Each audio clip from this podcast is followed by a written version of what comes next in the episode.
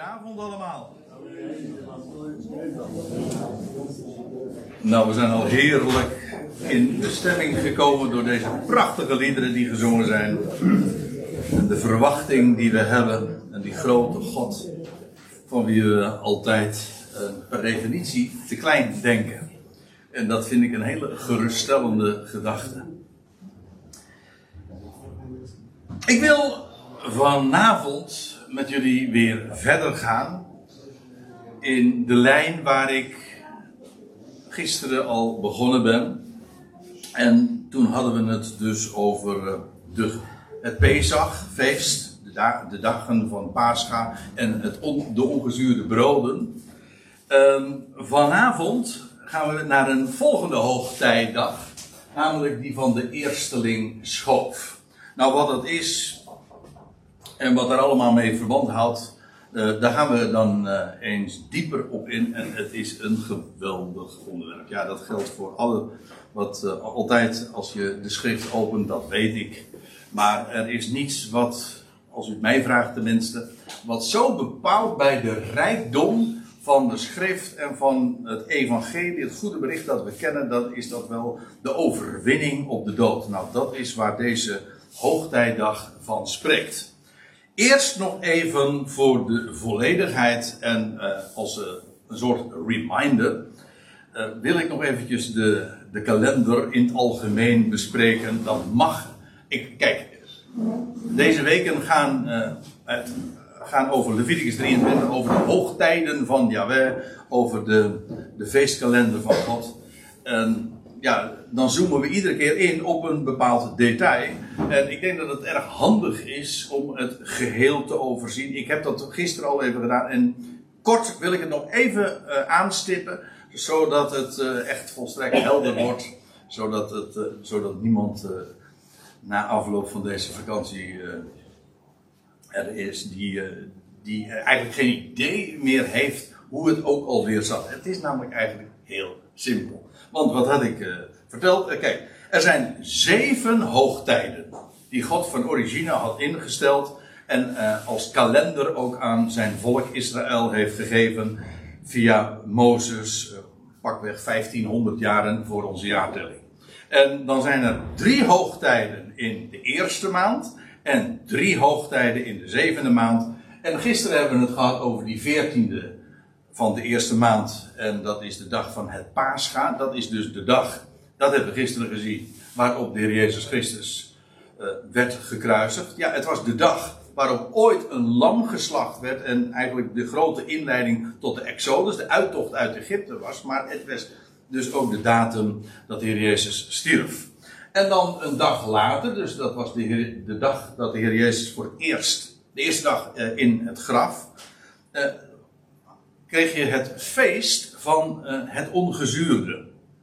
En gedurende een week lang uh, at men slechts ongezuurd brood en uh, zuurdezem was geheel verwijderd. Ook daar heb ik het gisteren over gehad.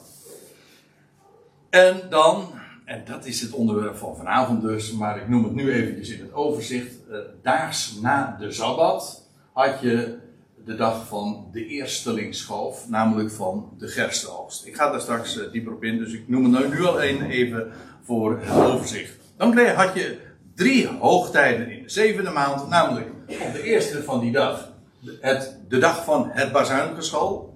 En dan de tiende van die dag, Yom Kippur, ik noem het maar even op zijn Hebreeuws. Ik zou kunnen zeggen verzondag of grote verzondag. Maar... Uh, dat was een hele belangrijke dag voor Israël. En dat is het trouwens nog steeds. En uh, de vijftiende van de eerste maand had je gedurende ook weer een week lang, want God houdt van feesten. Ja, er, er werd wat gevierd hoor. Maar uh, het was gedurende, uh, of vanaf die dag tot de 21ste dat het Loofhuttenfeest, oftewel Sukkot, zo heet het in het Hebreeuws dan, gevierd werd. Nou, uh, dat is het overzicht, maar. Hé, uh, die moest ik even. Ja. Uh, de.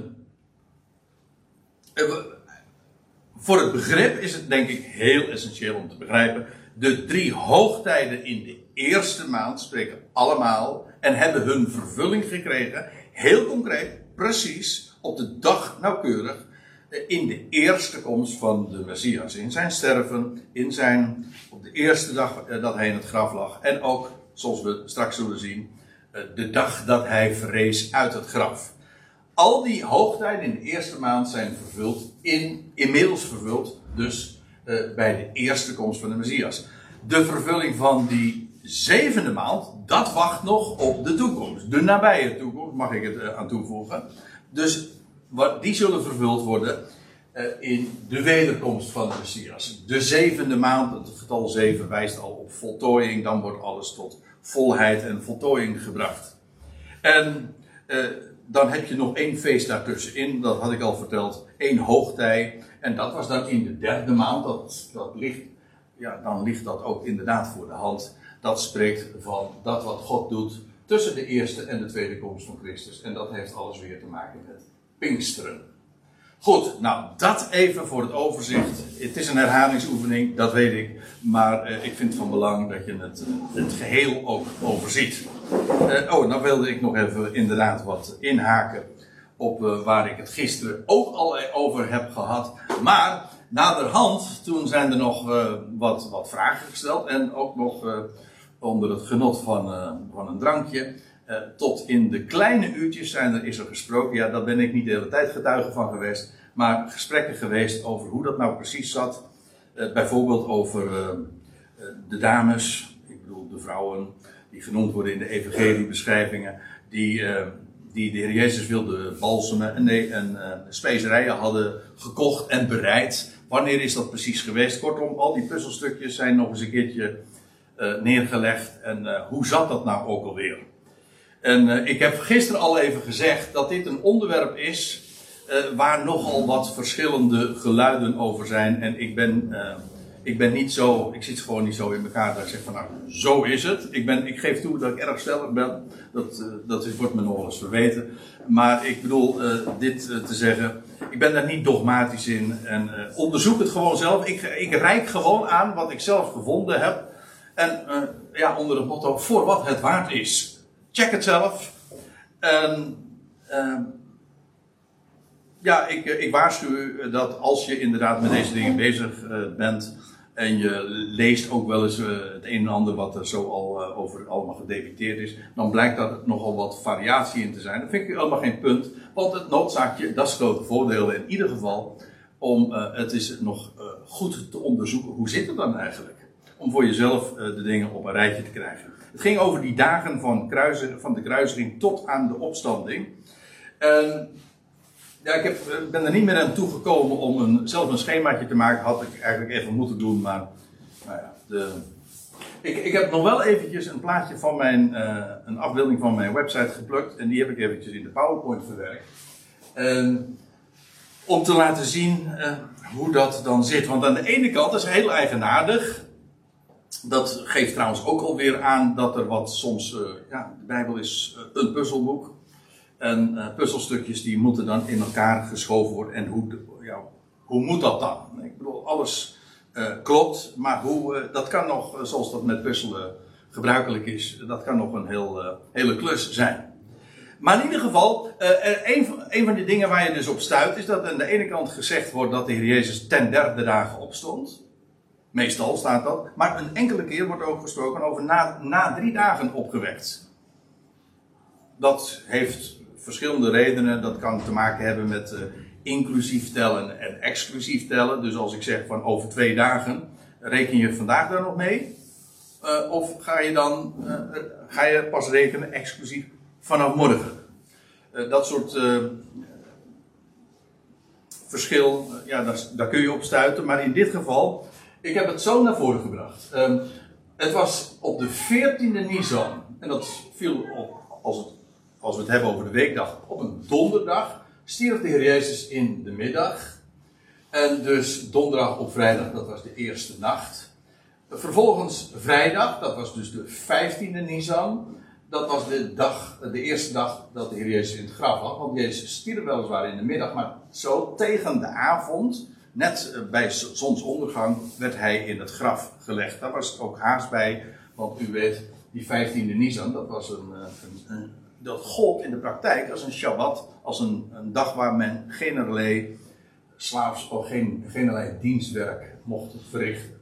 Dan heb je dus vervolgens vrijdag op zaterdag, dat is dus de tweede nacht. En dan krijg je vervolgens de zaterdag, en dat is dus de 16e Nisan. En dat was de tweede dag van dit, dat de Heer Jezus in het graf lag. En dat betekent trouwens ook dat uh, dit eigenlijk, het kwam erop neer dat er twee sabbaten achter elkaar, uh, elkaar opvolgden. Dat wil zeggen, dit was een, een jaarlijkse sabbat en dit was de, de wekelijkse sabbat. Zodat er twee shabbatten, twee rustdagen, uh, achter elkaar vielen. En dan vervolgens zaterdag op zondag, dat is de derde nacht. En op de, die zondag, vroeg in de ochtend, op de 17e Nisan Vroeg in de morgen wordt de steen van het graf weggewenteld. En dat is dus de derde dag in het graf. Maar het was eigenlijk na drie dagen na zijn dood. Ziet u het verschil? Het was de derde dag in het graf, ten derde dag opgewekt, maar hij, uh, het was niettemin ook na drie dagen opgewekt. Dus beide uitdrukkingen hebben gewoon uh, hun, uh, hun betekenis. Het hangt er maar vanaf, vanaf wanneer je en wat je rekent. Dan heb ik er nog eentje, die is ietsje moeilijker te zien. Ik zei al, ik heb had even wat moeten, wat moeten bewerken. Maar wat ik er eigenlijk even mee wil zeggen, is uh, vooral. Oh ja, want daar, ging de, daar, daar gingen de gesprekken over gisteravond. Die deels dus nog heb meegemaakt hoe dat nou ook zat met de gebeurtenissen die plaatsvonden na Jezus sterven en voorafgaand aan zijn opstanding. Goed, de heer Jezus stierf dus zoals gezegd op de 14e Nisan. En eh, in, in de avond, of tegen de avond, werd hij begraven. Ik heb al die teksten uh, waar dat zo dan ook specifiek staat erbij vermeld, zodat je het kunt opzoeken. En dan de, die vrijdag, eh, de 15e Nisan, dat was de eerste dag van het uh, feest. Generlei dienstwerk mocht dan, uh, zou dan verricht worden. Dus dit was in de praktijk een sabbat.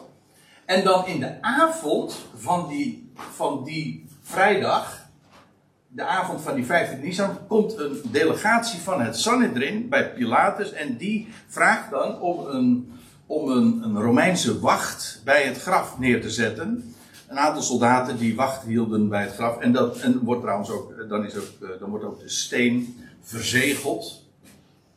En dat vind je dan in Matthäus 27, vers 62. Nou, en de dag daarop, dat is dus. Uh, uh, ja, dat is, de, dat is de wekelijkse sabbat. Ook uh, dat is de dag dat de Heer Jezus in het graf heeft gelegen. Dat was de 16e Nisan. En na afloop van die sabbat want eh, waar we het gisteren ook al even over hebben gehad, is dat de, de kalenderdagen, die worden in het Jodendom in Israël, naar goed gebruik, uh, van avond tot avond gerekend. Kijk, wij rekenen kalenderdagen van 12 uur s'nachts tot 12 uur s'nachts. Ja, maar dat is niet het Bijbelse gebruik. Daar, daar wordt gerekend van avond tot avond. Uh, je leest dat zelfs expliciet van de van grote verzoendag, dan staat er van, van avond tot avond zullen jullie dat vieren. Zo gelijk een, een Sabbat. En uh, voor degenen die vertrouwd zijn met de Joodse gebruiken, daar zeg ik niks nieuws mee, want dat is een bekend gegeven. Dus dat betekent dat als de zon is ondergegaan, zaterdagavond, dan is de Shabbat voorbij. En dat betekent dat eh, er ook weer koopavond is, zo werd het genoemd. Nou ja, ik weet niet of het de goede uitdrukking is, maar in ieder geval dan, dan was dat gewoon weer toegestaan. En na de Sabbat hebben de dames uh, nog wat uh, gekocht voor specerijen, die ze dan vervolgens vroeg in de morgen zouden brengen naar het graf. Nou, u weet wat er toen vervolgens is gebeurd. En vroeg in de morgen wordt de steen van het, weg, de, van het graf weggewenteld. En dat was dus op de zondag, de 17e Nisan. En ja, wat. Uh, als je natuurlijk het traditionele idee, uh, idee en beeld hiervan hebt, dan is het al. Uh, dan, wordt, dan is dit misschien wat schokkend. Hé, het was toch altijd Goede Vrijdag dat de Heer Jezus stierf. Nou, het, het, verhaal is wat ik ook gisteren al even heb laten zien. is dat de Heer Jezus in ieder geval volgens de schrift uh, drie nachten, ja, drie dagen en drie nachten in het graf heeft gelegen. Drie nachten. En daar kom je nooit mee uit als hij vrijdags is gestorven en zondags morgens opstond. Dat zijn dan twee nachten. Maar hij heeft drie nachten in het graf gelegen. Bovendien, het waren ook twee sabbatten. Al geef ik toe dat dat in de meeste vertalingen een beetje weggemoffeld wordt. Want ja, daar konden ze niet zoveel mee. En ik tenminste, ja, dat klinkt wat, uh, wat complotterig misschien. Maar uh, ik denk dat dat op. Uh, ja, hoe gaat dat met vertalen? Iets wat, wat men totaal niet kan rijmen, ja, wordt dan maar op een andere wijze weergegeven. Maar er wordt echt gesproken over twee sabbatten die de Heer Jezus in het graf heeft gelegen. En ja, dan, dan is dit schema volgens mij precies zoals het is gegaan. Nogmaals, uh, naar, mijn bevindingen. En dit zijn geen decreten, dit zijn geen, geen dogma's. dit zijn mijn bevindingen vanuit de schrift. Maar goed, ik heb er wel wat bonnetjes bij geleverd. En ik moet zeggen, ik vind het ook volstrekt logisch. zoals dit is. zoals ik het hier ook weergeef.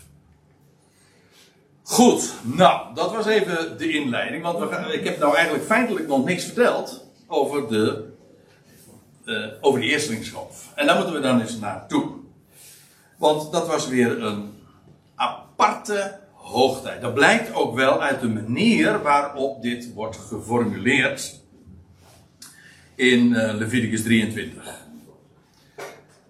En dan staat er in de letterlijke weergave en de Heer, of Yahweh, dat, dat is zijn naam immers, ik ben die ik ben. En Yahweh sprak tot Mozes en hij zei, en dit is in feite de inleiding tot een hele uh, nieuwe bespreking, een volgende hoogtij. En dan staat er dit in vers 10. Spreek tot de zonen van Israël, de Israëlieten dus. Ja, daar is die kalender voor bestemd voor bestemd. Dit is geen kalender die hij gegeven heeft aan de natieën, die iedereen zou moeten houden. Nee, dit was een kalender die hij gaf aan zijn volk, maar wel met een hele bijzondere, diepgaande betekenis. Wanneer jullie komen in het land dat ik jullie geef, want dit was allemaal nog in de woestijn, en het zou trouwens nog jaren duren voordat ze daadwerkelijk zouden arriveren in het land. Eh, maar als jullie daar komen, en ik geef jullie dat zomaar, gratis voor niks, want dat heb ik beloofd. En jullie haar oogst, oogsten. En het gaat hier over de eerste oogst. Ja, ook de, de oogst in de eerste maand, want daar hebben we het nu over. Maar dat is namelijk de gerste oogst. Dat is gerst, ja, dat, uh, dat, is, uh, dat plaatje zie je hier dat zijn aren, dat is graan, maar dan met die hele lange haren. De grap is trouwens dat het in het, uh, in het Hebreeuws ook uh, iets met harig te maken heeft.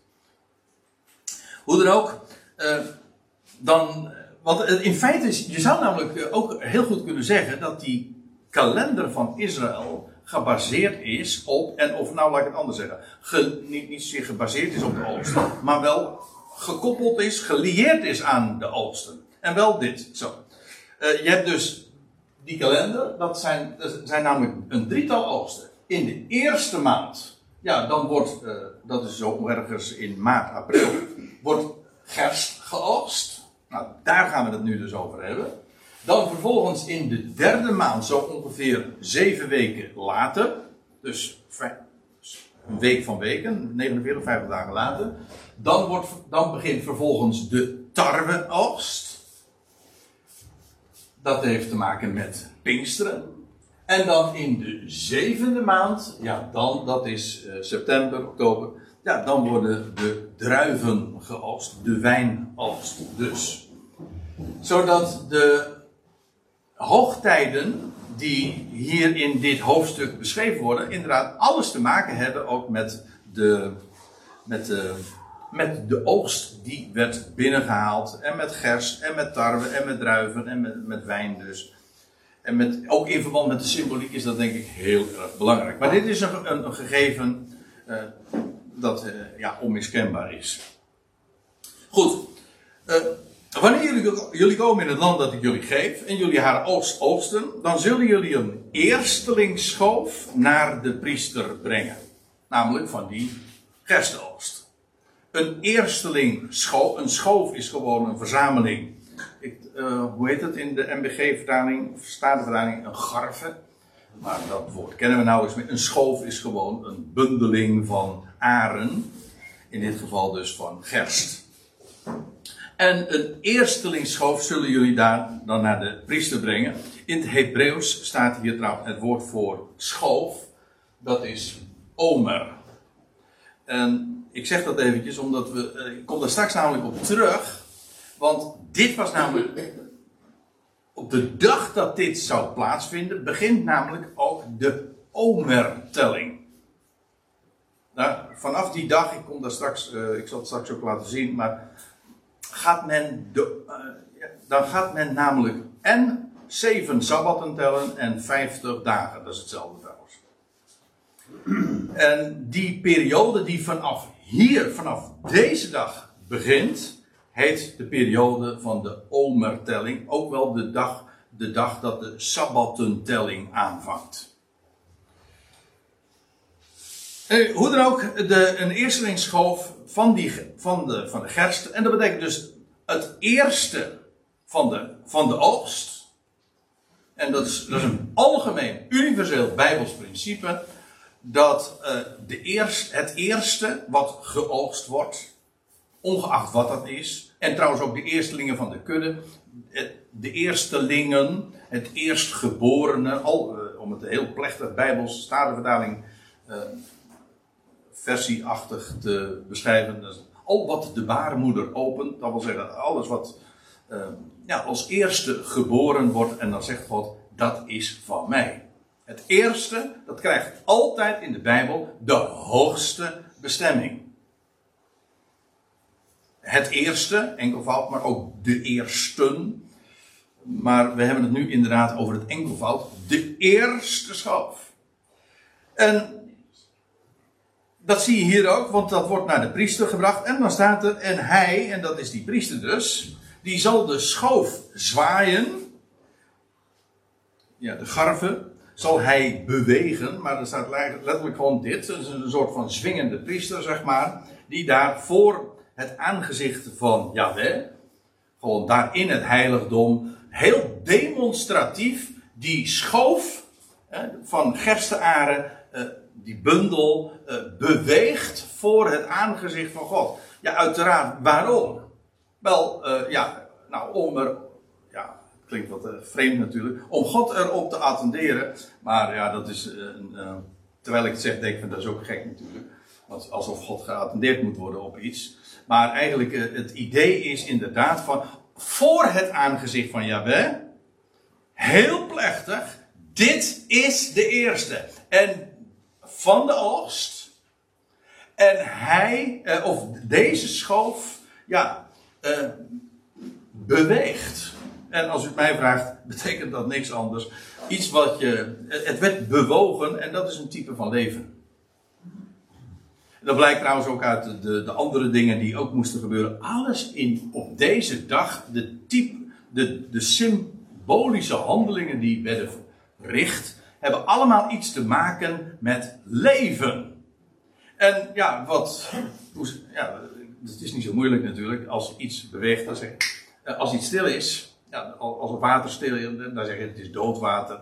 Maar op het moment dat het gaat bewegen, dan leeft het. Nou, deze schoof van, eersteling, van de, eerste, de eerstelingsschoof, die werd bewogen voor God. En daarmee ook gedemonstreerd, gedemonstreerd sorry, voor, uh, van Gods wegen, dit, de, deze bundel leeft.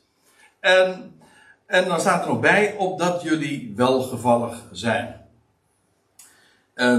Ja, ik heb eigenlijk nog niks uh, gezegd over de vervulling, maar uh, ik, hoop dat u inmiddels een beetje warm gedraaid bent en dat eh, het, het, ligt zo voor de hand om het te begrijpen. Maar zeker als je natuurlijk eenmaal de vervulling van dit fenomeen kent, dat wil zeggen waar het naar verwijst, dan begrijp je ook waarom het op deze manier geformuleerd wordt. Opdat jullie welgevallig zijn. Het volk is welgevallig vanwege die bewegende, lees, levende eerstlingsschoof.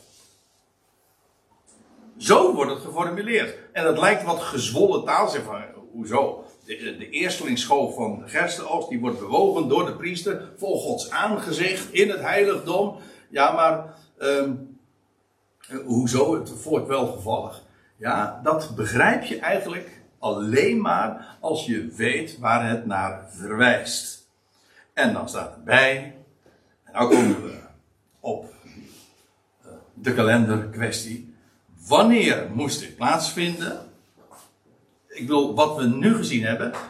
Het eerste, het meest belangrijke, kenmerkende is. De priester die bewoog die bundel voor het aangezicht van God. Ja, maar hier wordt nu gezegd vervolgens wanneer dat zou zijn, daags na de Sabbat, zal de priester die zwaaien of bewegen. Wuiven, ja. Opmerkelijk, want van al die andere hoogtijden lees je niet op welke weekdag dat plaatsvond, maar de datum. Maar dat is hier dus niet het geval. Er wordt geen datum genoemd voor deze hoogtijd, maar een weekdag wordt ervoor gereserveerd. Ik bedoel, van de paascha staat dan op de veertiende dag van de eerste maand. En de, als de, het feest van de ongezuurde broden aanvangt, dat is op de vijftiende. En zo is het iedere, zoals met al die feesten. Behalve deze. En uh, het feest wat daaraan gekoppeld is, namelijk uh, Pinksterfeest, want dat is de vijftigste dag na deze dag. Maar voor de rest is altijd er een datum gegeven, hier echter niet. Het moest op een specifieke weekdag plaatsvinden, namelijk een dag of de dag na de Sabbat. In de praktijk was dat uh, de dag die viel in, of de, de, de zondag dus eigenlijk. Nou, ik bedoel, de Sabbat is de, de zaterdag. Dus hè, de laatste, de zevende dag van de week. Dat betekent dus de dag na de Sabbat is de achtste dag. Oftewel de eerste dag van de nieuwe week. En dat is uh, wat er uh, gezegd wordt van die eerstelingsschoof. Die eerstelingsschoof werd voor Gods aangezicht bewogen. Wanneer? Wel, op de eerste dag van de nieuwe week. Daags na de Sabbat. Ja, je kunt het op allerlei manieren formuleren, maar je komt toch echt op dezelfde weekdag dan uit de eerste dag van de week. Nou, en uh, inmiddels, uh, ja, het, het, we hebben dat uh, nu al via allerlei aanvliegroutes nu al gezien. Maar één ding moet toch duidelijk zijn: dit is de dag dat de Heer Jezus ooit opstond uit de doden. Inderdaad, daags na de Sabbat op de eerste dag van de week. En ja, en dat vind je dus in het Nieuwe Testament uh, terug, hè? iedere keer weer. Maar ik zal je straks ook laten zien dat uh, als het Nieuwe Testament deze dag vermeldt, dan gaat het echt over de dag van de eerstelingsschoof. Niet zomaar over een willekeurige zondag. Nee, over die specifieke zondag in het jaar dat de eerstelingsschoof, de eerste van de, van de oogst, van de gerstenoogst, werd bewogen door de priester in het heiligdom. Die dag. Dat is dus heel markant, heel fundamenteel.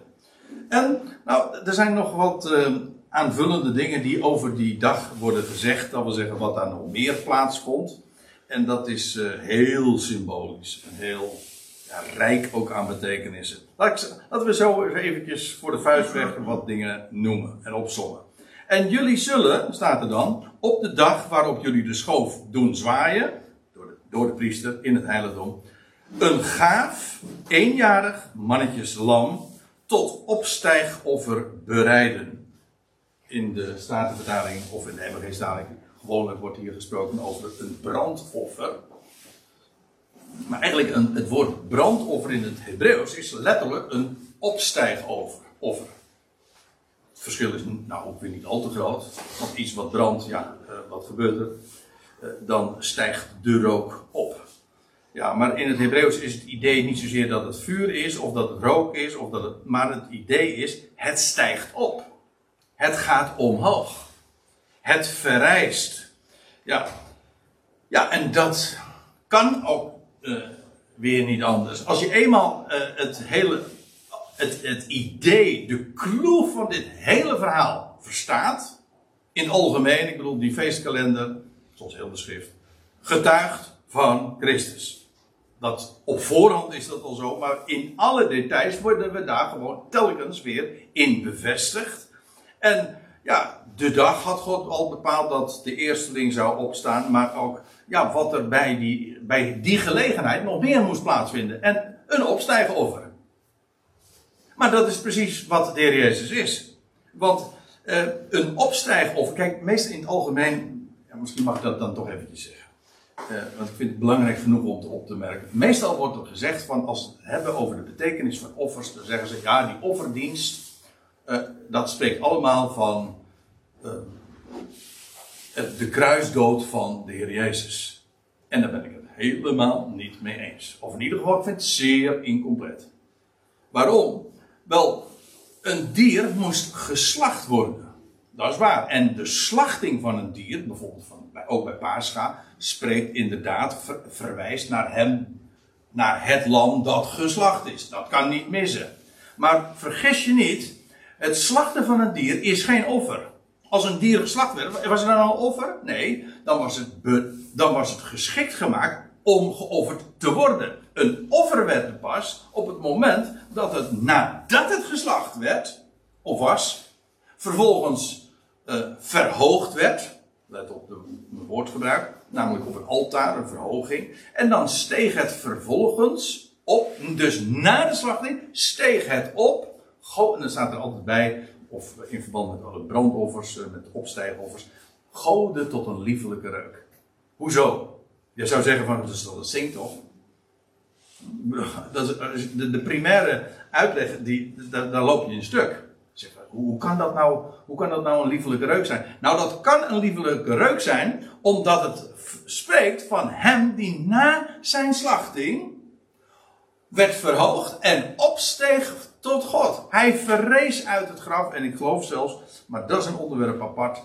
Maar uh, daar kunnen we straks na afloop nog eens eventjes tot in de kleine uren over praten. Ik geloof dat de Heer Jezus ook op de dag dat hij is, is opgestaan, ook werkelijk ook al ten hemel is gevaren. Niet al definitief, dat gebeurde pas 40 dagen later, maar hij is al voor het aangezicht van God verschenen. En ik geloof ook inderdaad dat hij, eh, als hij net die eerste ontmoeting heeft gehad met Maria Magdalena, dan, eh, dan mag hij, dan zegt nee, nee, hij zegt, raak me niet aan, hou me niet vast, want ik ben nog niet opgevaren naar mijn vader. Later die dag eh, mag hij wel vastgepakt worden. Dus de conclusie moet dan zijn, maar kennelijk is hij inmiddels opgevaren tot zijn vader. En ook weer teruggekomen, pas 40 dagen later is hij demonstratief, heeft hij het aardse toneel uh, verlaten en is hij uh, opgestegen of ja, ontrokken aan het oog vanaf de Olijfberg. Enfin, in ieder geval, de Heer Jezus, uh, hij stond op uit het graf, daags na de Sabbat, en hij verrees uit het graf en is ook letterlijk, geloof ik, dus opgestegen tot zijn God. En als eerste heeft hij gezegd: Hier ben ik, Heer, ik leef.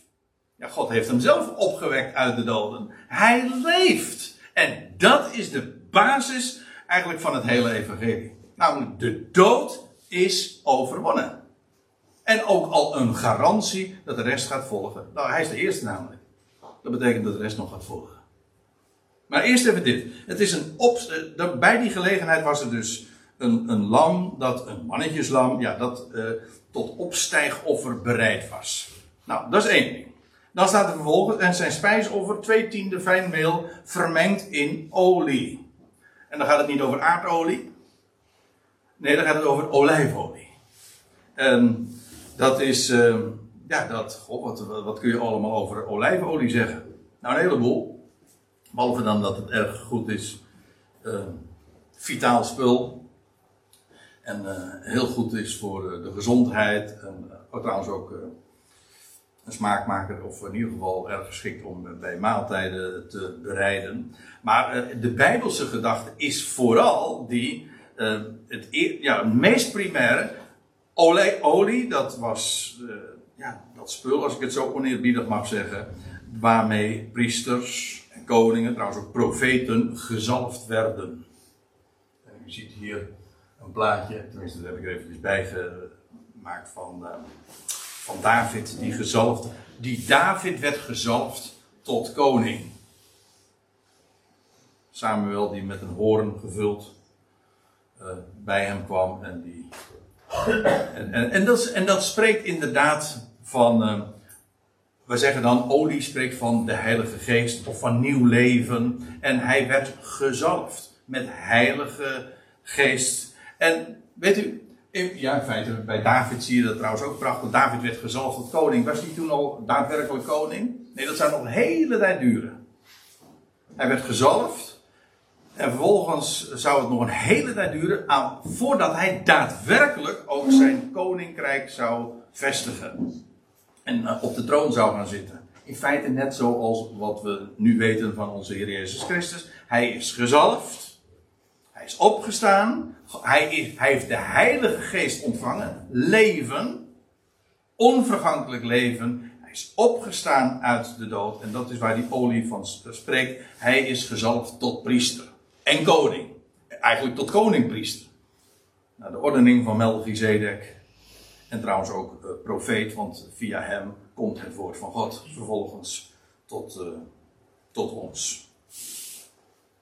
Uh, olie, ik, zal over een paar dingen. Ik ben allerminst compleet, maar gewoon om je even op het spoor te zetten van de betekenissen.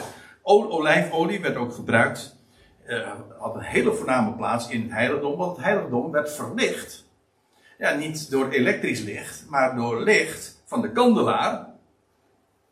Die ik trouwens gisteren al even liet zien, die menorah, weet je wel, met die zeven, zes armen en die ene stam. In ieder geval uh, zeven lichten. Maar die werd dagelijks onderhouden door de priester. Die zorgde dat er licht was in het heiligdom. En als het donker in de wereld was, dan was daar licht in het heiligdom. Dat is nu ook zo. Er mag donker in de, in de wereld zijn, maar er is licht in het heiligdom, want de koning, priester is daar en hij, ja, hij verzorgt daar de lamp en hij zorgt. En dat spreekt van leven. Het licht van het leven, het licht des levens. En dan eh, vind ik het ook altijd eh, heel opmerkelijk dat olijfolie voortkomt uit ja, een olijfboom. Maar een olijfboom is een hele aparte boom, omdat het een boom is die niet doodgaat. Hij regenereert zichzelf. En vandaar ook dat je uh, olijfbomen tegen kan komen nou, hier niet, maar als je wat zuidelijker komt, als je bijvoorbeeld daar op de Olijfberg bent daar, en je komt daar in de, nou, bij Gethsemane, dan zie je bomen van duizenden jaren oud. In principe gaat, gaat die boom, tenzij je hem omhaakt, niet dood. En op zich is dat al een beeld weer van nieuw leven, van onvergankelijk leven. Dus ja, ehm, dat is waar olie inderdaad olijfolie uh, mee van doen heeft. Het spreekt ook weer van leven. Net als dat opstijgoffer en net als dat, dat, dat wuiven en dat bewegen. Alles op deze dag heeft te maken met leven, met allemaal hoofdletters. En dan staat er nog iets bij, een vuuroffer voor Jahweh uh, zou dan uh, bereid worden op die wijze. Een rustgevende geur en zijn plengoffer een vierde hin wijn. Nou, allerlei details laat ik nu even voor wat ze zijn. Maar het moet toch duidelijk zijn dat uh, ook uh, wijn daarbij een grote rol speelde. En ja, ook van wijn moet ik weer hetzelfde zeggen. Dat is namelijk, zoals wij dat noemen, geestrijk vocht. En waarom is het geestrijk? Omdat het eigenlijk, ja, het is druivensap. Ja, wat dacht je wat? Het, het is druivensap dat eerst in de kelder heeft gelegen en vervolgens, eh, na verloop van tijd en na een speciale wijze van bewaren, komt het uh, als uh, alcoholisch drank, maar inderdaad geestrijk, komt het uit de kelder. En ik hoop dat u ook de symboliek daarvan begrijpt. Het komt uit de aarde, uit het graf, als het ware. En en het maakt blij. Dat is wat het doet. Het, eh, dat is wat, wat gezegd wordt over de werking van wijn. Het verheugt het hart. Ook dat is weer een type van opstandingsleven. Dat wat gepland wordt en dat wat vreugde bereidt. Dus alles, uh, dat moet er in ieder geval duidelijk zijn. Alles op deze dag, uh, de rituelen die werden toegepast, de gebruiken die daar werden, werden uitgevoerd, dat spreekt van leven. Nou, en dan staat er in vers 15, uh, eh, wat ik ga ik lees even verder. En jullie zullen tellen vanaf de dag na de Sabbat, vanaf de dag waarop jullie die schoof van het zwaaien brengen, dat, dat beweegoffer, dat, die eerstelingsschoof, vanaf die dag zullen jullie tellen. Zeven volkomen Sabbatten, zeven volle Sabbatten zullen het zijn. Tot de dag na de zevende Sabbat zullen jullie tellen, oftewel 50 dagen. Tot de vijftigste dag. Vandaar ook dat het, in het Hebreeuws heet dit het wekenfeest. Een week van weken, zeven maal zeven dagen, eh, moesten er geteld worden. En dan brak de vijftigste dag aan. Zie je trouwens ook uh, dat hier ook weer niet gesproken wordt over een datum? Want ja, waarom zou men, als God hier nou een datum voor had gereserveerd, ze niet hoeven vertellen. Nee, die datum ligt niet vast. De weekdag ligt vast. En wat, en wat uh, van belang was, is dat het de dag na de Sabbat moest men gaan tellen. Dat is die dag dat die, die plaatsvond. Ja, oh ja, ik heb hier nog een, een afbeelding daarvan. Dus je had, uh, die, je had de Sabbat, die weeksabbat. En dan daags na de Sabbat, dus dat is op een zondag, de eerste dag van de week, werd de de eersteling schoof bewogen. En dan vervolgens werden er zeven sabbatten geteld. Er werden zeven sabbatten geteld en, en de dagen. In het Jodendom zijn dat trouwens. Ja, hebben ze ja, een soort van telramen. Waarbij de, en de sabbatten specifiek apart geteld worden. En de dagen. Dat gewoon elke dag gaat er. Uh, ik weet niet precies hoe het gaat. Maar in ieder geval. Heel demonstratief wordt er geteld. Gewoon zoals ook uh, beschreven in Leviticus 23. Zeven sabbatten worden geteld en dan krijg je vervolgens daarna, na die zevende sabbat, dus de dag na de zevende sabbat, dat is uiteraard dan de vijftigste dag. Vandaar dat deze hele periode de periode genoemd wordt van de sabbattentelling. En die begon hier. De, de, de sabbattentelling, die periode van de sabbattelling, die begon op daags na de Sabbat. En um, ja, dat maakt het misschien wat complex, want ik had het, uh, want ga, maar na, ik had het over dus de, de heer Jezus stierf op de 14e. Toen was, brak de 15e aan, dat was een jaarlijkse Sabbat. Vervolgens kreeg je de dag daarna, was de 16e. Dat was de wekelijkse Sabbat. En vervolgens, de dag na de Sabbat, begon dus, dat, toen begon de Sabbat een telling.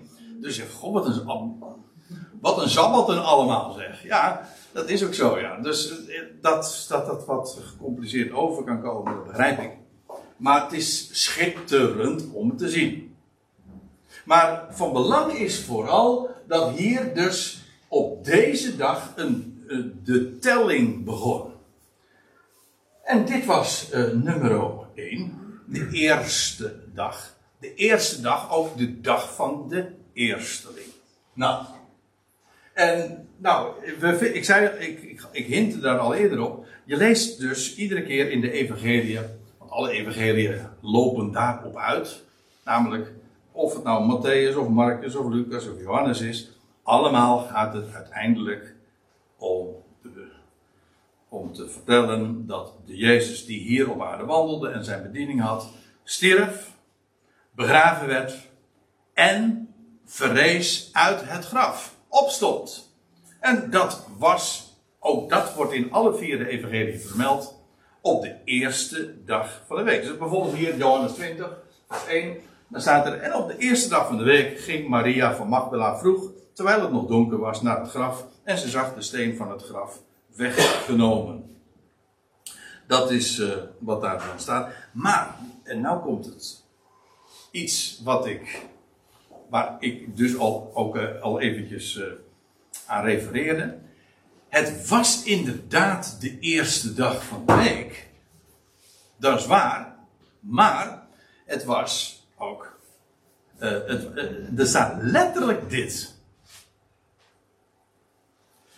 Er staat niet de eerste dag van de week. Dat was het wel. Maar het wordt genoemd de dag 1 van de Sabbatten. Namelijk van de Sabbatentelling. Het was dag nummer 1 waarin de Sabbatentelling aanving. En, dus, en dus afhankelijk deel van de natuur. Hoe bedoel je? de natuur moet wel klaar zijn om de eerste uh, schoof. Ja, dus, de, de, dus er wordt hier inderdaad ook geen datum voor geschreven. Want in de praktijk was het dan zo de, dat dat de, de dag, de zondag zeg maar in de Pesachweek was. Maar strikt genomen hoeft dat niet. Dat wordt namelijk ook niet beschreven. Er wordt alleen gezegd, het was daags na de Sabbat. Namelijk, bij de, als, de, eerst, als de, de gerstenoogst binnengehaald werd, dan moest de eerstlingsschoof gereserveerd worden en die zou naar de priester gebracht worden. En wanneer was dat dan? Wel op, de, op een zondag. Dat was die. Uh, die. En wel, het, wat hier dan staat, de Heer Jezus uh, stond op. Inderdaad, het was de eerste dag van de week. Daar doe ik niets van af. Maar het is, het is veel bijzonder, veel meer bijzonder nog. Want kijk, een eerste dag van de week, dat heb je 52 keer in een jaar. Maar dag nummer 1 van de Sabbattelling heb je maar één keer per jaar. Dat is namelijk een unieke dag die, waarop de eerstelingsschoof bewogen werd. Dat was een hoogtijdag voor Israël. Zodat de Heer Jezus stierf op een hoogtijdag, Pascha. Toen werd het lam geslacht. Hij verrees ook als eersteling uit de doden op de dag van de eerstelingsschoof. En dat is wat die uitdrukking de eerste dag van de week behelst. En inhoudt. Dus het is veel meer dan eh, de eerste dag van de week. Ik zeg veel meer. Ik ontken dus niet, in tegendeel, het, was een zondag. Maar het was niet zomaar een zondag. Het was de zondag dat de eerstelingsschoof bewogen werd en uh, dus een hoogtijdag van, op Gods kalender. En hoe logisch en voor de hand is het, liggend is dit? Natuurlijk heeft God, als je, als je enigszins op de hoogte bent, bent van, zijn, van de wijze waarop hij werkt, hij, hij, hij kondigt dingen aan. Wanneer iets plaatsvond. Nou, en toen, in dat bewuste jaar dat de Heer, Jezus opstond, toen was dat die, viel dat op de 17e Nisan, dat is waar. Trouwens, eh, ja, hoe ga ik dat nou zeggen? Ja, ik ga toch even zeggen, eh, moet je maar eens een keertje kijken, wat dat, die datum wordt ook wel genoemd. Eh, maar je leest bijvoorbeeld dat de ark vastliep. De ark, ik bedoel, ja, ik heb het niet over de ark van het volgende, de ark uh, van Noach. Dat was op de 17e van de maand, ja. Ja, nou ja, het is complexer dan dat ik nu even zeg, maar kijk het maar na. Dan moeten we straks, als we de details eh, nog eventjes induiken, dan hebben we het straks daar later nog over. Maar echt waar, de ark vond, de ark, de doodswateren, die daar, die zakte weer. En de ark vond vaste grond. Ik heb de vaste grond gevonden. Ja. Uh, op de zeven. Dat was dus precies op die datum ook. Nou ja, ik, ik bedoel dit te zeggen. Natuurlijk heeft God uh, de grote gebeurtenissen, en zeker de grootste gebeurtenis in de hele wereldhistorie, dat is dat toen de eersteling uit de doden verrees. En natuurlijk heeft God dat van tevoren al aange, aangekondigd en beschreven hoe dat zou gaan en wanneer dat zou gebeuren. Het is, ja, zo klaar als een. Dat is logisch. Zo kennen we God. Hij kondigt de dingen aan, hij voorzegt. God voorspelt niet. Dat doen waarzeggers. Hij voorzegt, zo gaat dat. En die dag heb ik daarvoor gereserveerd. Dat is mijn hoogtijd. En als, en als er een eersteling is, die bewogen wordt, dat is gebeurd op de zee, dat gebeurt op daags na de Sabbat, inderdaad. Zoals beschreven in Leviticus 23. Het was dag 1 van de overtelling. Dat is wat ik ermee bedoel te zeggen. Oftewel de dag van de eerstelingsschoof. Ja, en dan wil ik nog wat zeggen, want dit is niet compleet als ik niet ook nog even naar Korinthe 15 toe ga. Want gezondheid. Ja, dit zijn hele schokkende dingen. Ja. Ja.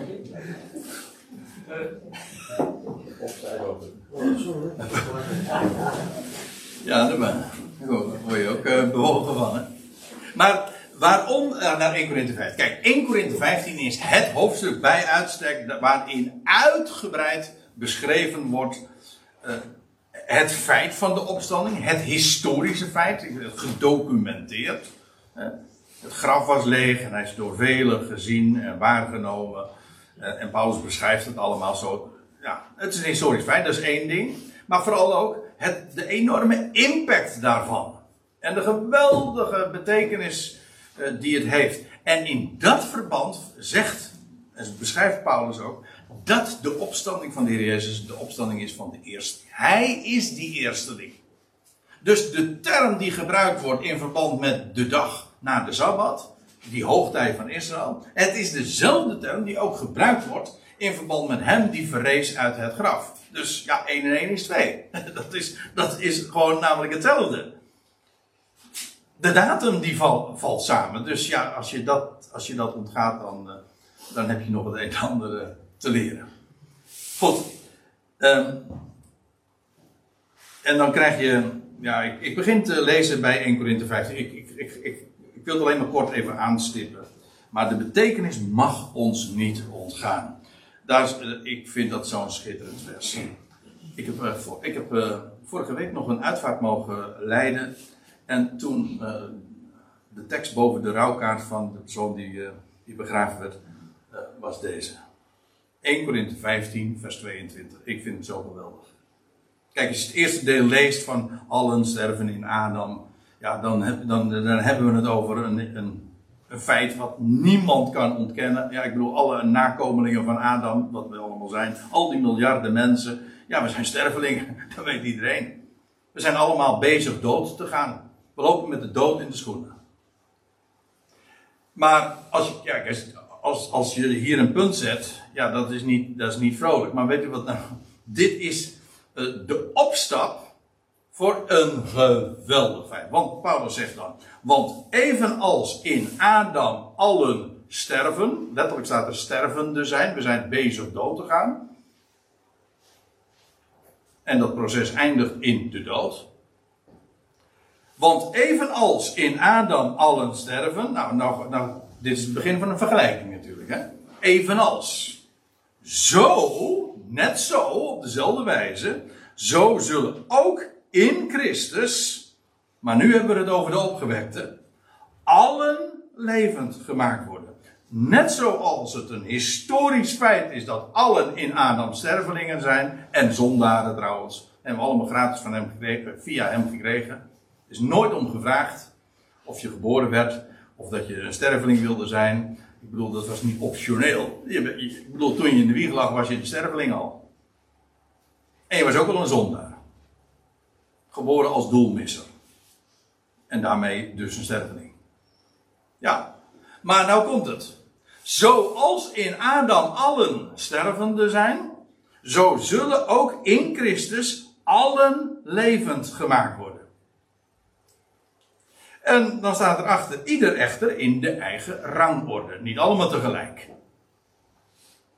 Dus ja, God houdt er altijd een rangorde op na. Je hebt mensen die eerst zijn, later, dan vervolgens nog weer een groep. Zoals het in de natuur ook gaat. Je hebt, je hebt uh, bloemen, planten die eerst tot bloei komen en dan later weer andere planten. En voor alles is een tijd. En zo is het bij God ook. En als het gaat over die levendmakingen, allen worden levend gemaakt, ja, maar niet allemaal tegelijk. Het gaat in rangorden. En dan staat erbij, ieder echter in de eigen rangorde. En nou komt hij, daar hebben we het over, als eersteling Christus. En Christus is de eerste die opgestaan is uit de doden om nooit meer te sterven. Dat moet ik erbij zeggen, want het gaat hier niet zomaar over opstaan, opstaan want dan zou je kunnen zeggen, maar er zijn toch al meerdere mensen al eerder opgestaan. In de Evangelie lees je dat, in het Oude Testament lees je dat zelfs uh, meerdere keren. Jawel, maar die mensen gingen allemaal weer dood. Christus is de eerste die opstond om nooit meer te sterven. Hij bracht dus echt leven aan het licht. Vandaar ook dat het zo'n unieke, volstrekt nieuwe feit is. De dood is overwonnen en nu is er onvergankelijk leven aan het licht gekomen. Dat is de, daarom die levendmaking hier is maar niet zomaar opstanding, nee, het is levendmaking. En, ja, en Christus is de eersteling. Hij is de eerste. En de term suggereert al, de rest volgt. Zoals een, ja, als de oogst binnengehaald wordt, dan heb je een eersteling. Ja, dat is de eerste rangorde. Die krijgt ook de hoogste bestemming. Jawel, maar dat betekent, de rest volgt nog. Alleen niet allemaal tegelijk. En dan zegt Paulus, uh, vervolgens, Christ, de eersteling Christus, dat is dus uh, het verleden, 2000 jaar geleden. Vervolgens degenen van Christus in zijn parousia. Trouwens, als het mij vraagt, is dat ook niet allemaal uh, op één dag. Maar in ieder geval, dat is de volgende rangorde. Rangorde nummer 2. Die van Christus zijn. Die ontvangen het leven van de toekomende eeuwen. En, uh, ja. Ik zei al, er is hier zo enorm veel. Uh, ligt hierin besloten. Maar het gaat mij vooral om het feit dat Christus als eersteling de garantie is dat allen zullen volgen. Hij is de eersteling. Vervolgens die van Christus zijn in zijn parousia, als hij straks gaat verschijnen in zijn komst. En dan vervolgens het einde van wat? Nou, hij had het over een rangorde in levendmakingen. En als Christus de eersteling is, en vervolgens die van Christus zijn in zijn parousia, dan is dat de tweede. En dan de laatste afdeling, de laatste rangorde. Ja, dat is, dat is de rest dus. Allen worden levend gemaakt, maar iedereen zijn eigen rangorde. Christus, tweede, die van Christus zijn, en vervolgens uiteindelijk de rest. En wanneer zal dat zijn? Nou, dat staat er meteen bij. Uh, wanneer hij het koninkrijk zal overdragen aan God de Vader. Wanneer hij het niet zal doen, alle overheid en alle macht. En. Uh, ja, dat. Uh, want ja, je, je, zou het navolgende ook moeten lezen. Want Christus, ja, als, als Christus straks zal verschijnen dan, dan gaan er nog geweldige wereldtijdperken, aionen aanbreken, waarin hij zal heersen. En dan staat er ook bij, maar Christus moet heersen totdat. Christus heerst niet eindeloos, ja, dat, zingen we wel. Hè. Christus heerst tot in alle eeuwigheden. Nee, staat er niet. Christus heerst tot in alle aionen. Hij, hij heerst totdat. En als die de laatste vijand niet gedaan zal hebben, de dood. Ja, weet u hoe die dat doet? Nou, gewoon alle levend te maken. Als hij allen de rest levend maakt, zoals hij zelf als eersteling is levend gemaakt, ja, dan is er niemand meer, dan is er geen dood meer, want er zijn alle levend gemaakt. En zo is de dood er niet gedaan. Ja, en als hij dat gedaan zal hebben, dan zal hij een volmaakt, maar ook een compleet en zo'n koninkrijk, waarin niets en niemand meer ontbreekt, wanneer, dan zal hij het koninkrijk overdragen aan God de Vader. Dan zal hij het niet gedaan hebben, alle overheid en autoriteit en macht. Ja, je zou eigenlijk dus doorleuk moeten lezen. Ik heb dat nu hier niet meer. Maar uh, hij moet heersen totdat, uh, totdat hij ook de laatste vijand er niet gedaan zal hebben. En dan, dan lees je ook dat als, hij, als alles tot volmaaktheid gekomen zal zijn. En er geen macht meer is, geen vijand meer is. Ja, dan is er geen dan is uiteindelijk, dat is de laatste vijand, ook geen dood meer. En dan leven allen. En dan zal God, uh, dan zal Christus ook weer terugtreden. En dan zal hij het koninkrijk overdragen aan zijn God en Vader. Opnieuw kunnen zeggen: Het is volbracht. Alles is tot een goed einde gebracht. En weet u, ik vind het zo geweldig. Het evangelie dat we kennen vanuit de Bijbel is dat de Heer Jezus Christus de overwinnaar is op de dood. En we kunnen tegen iedereen zeggen: Hij is de eersteling. De dood is overwonnen. En alle mensen, op iedereen zijn eigen rang worden, gaan dat leven uiteindelijk ontvangen. Dat is, is geen keuze. Dat is zoals God dat bepaald heeft. En dat is zo'n enorme toekomstverwachting. Want dat betekent dat we altijd kunnen zeggen: alles komt goed. Waarom? Dat zijn genade. Hij heeft alles in de hand. En hij heeft zijn zoon gereserveerd en bepaald. Hij is de eersteling. En dat leven wat hij in het licht bracht, dat wordt het deel van iedereen. Ja.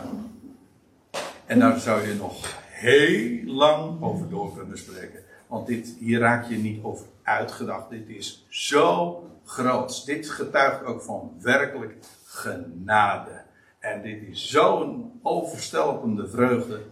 Daarom, uh, ik ben heel erg blij dat ik dit uh, vanavond over de eerstelingsschoof allemaal uh, zo heb mogen vertellen en naar voren mogen brengen. Want als je hier ook over doordenkt, ja, dat is, dat is onvoorstelbaar. Wat een enorme hoop en verwachting hebben we. En dat is allemaal gratis voor niks. Gods genade.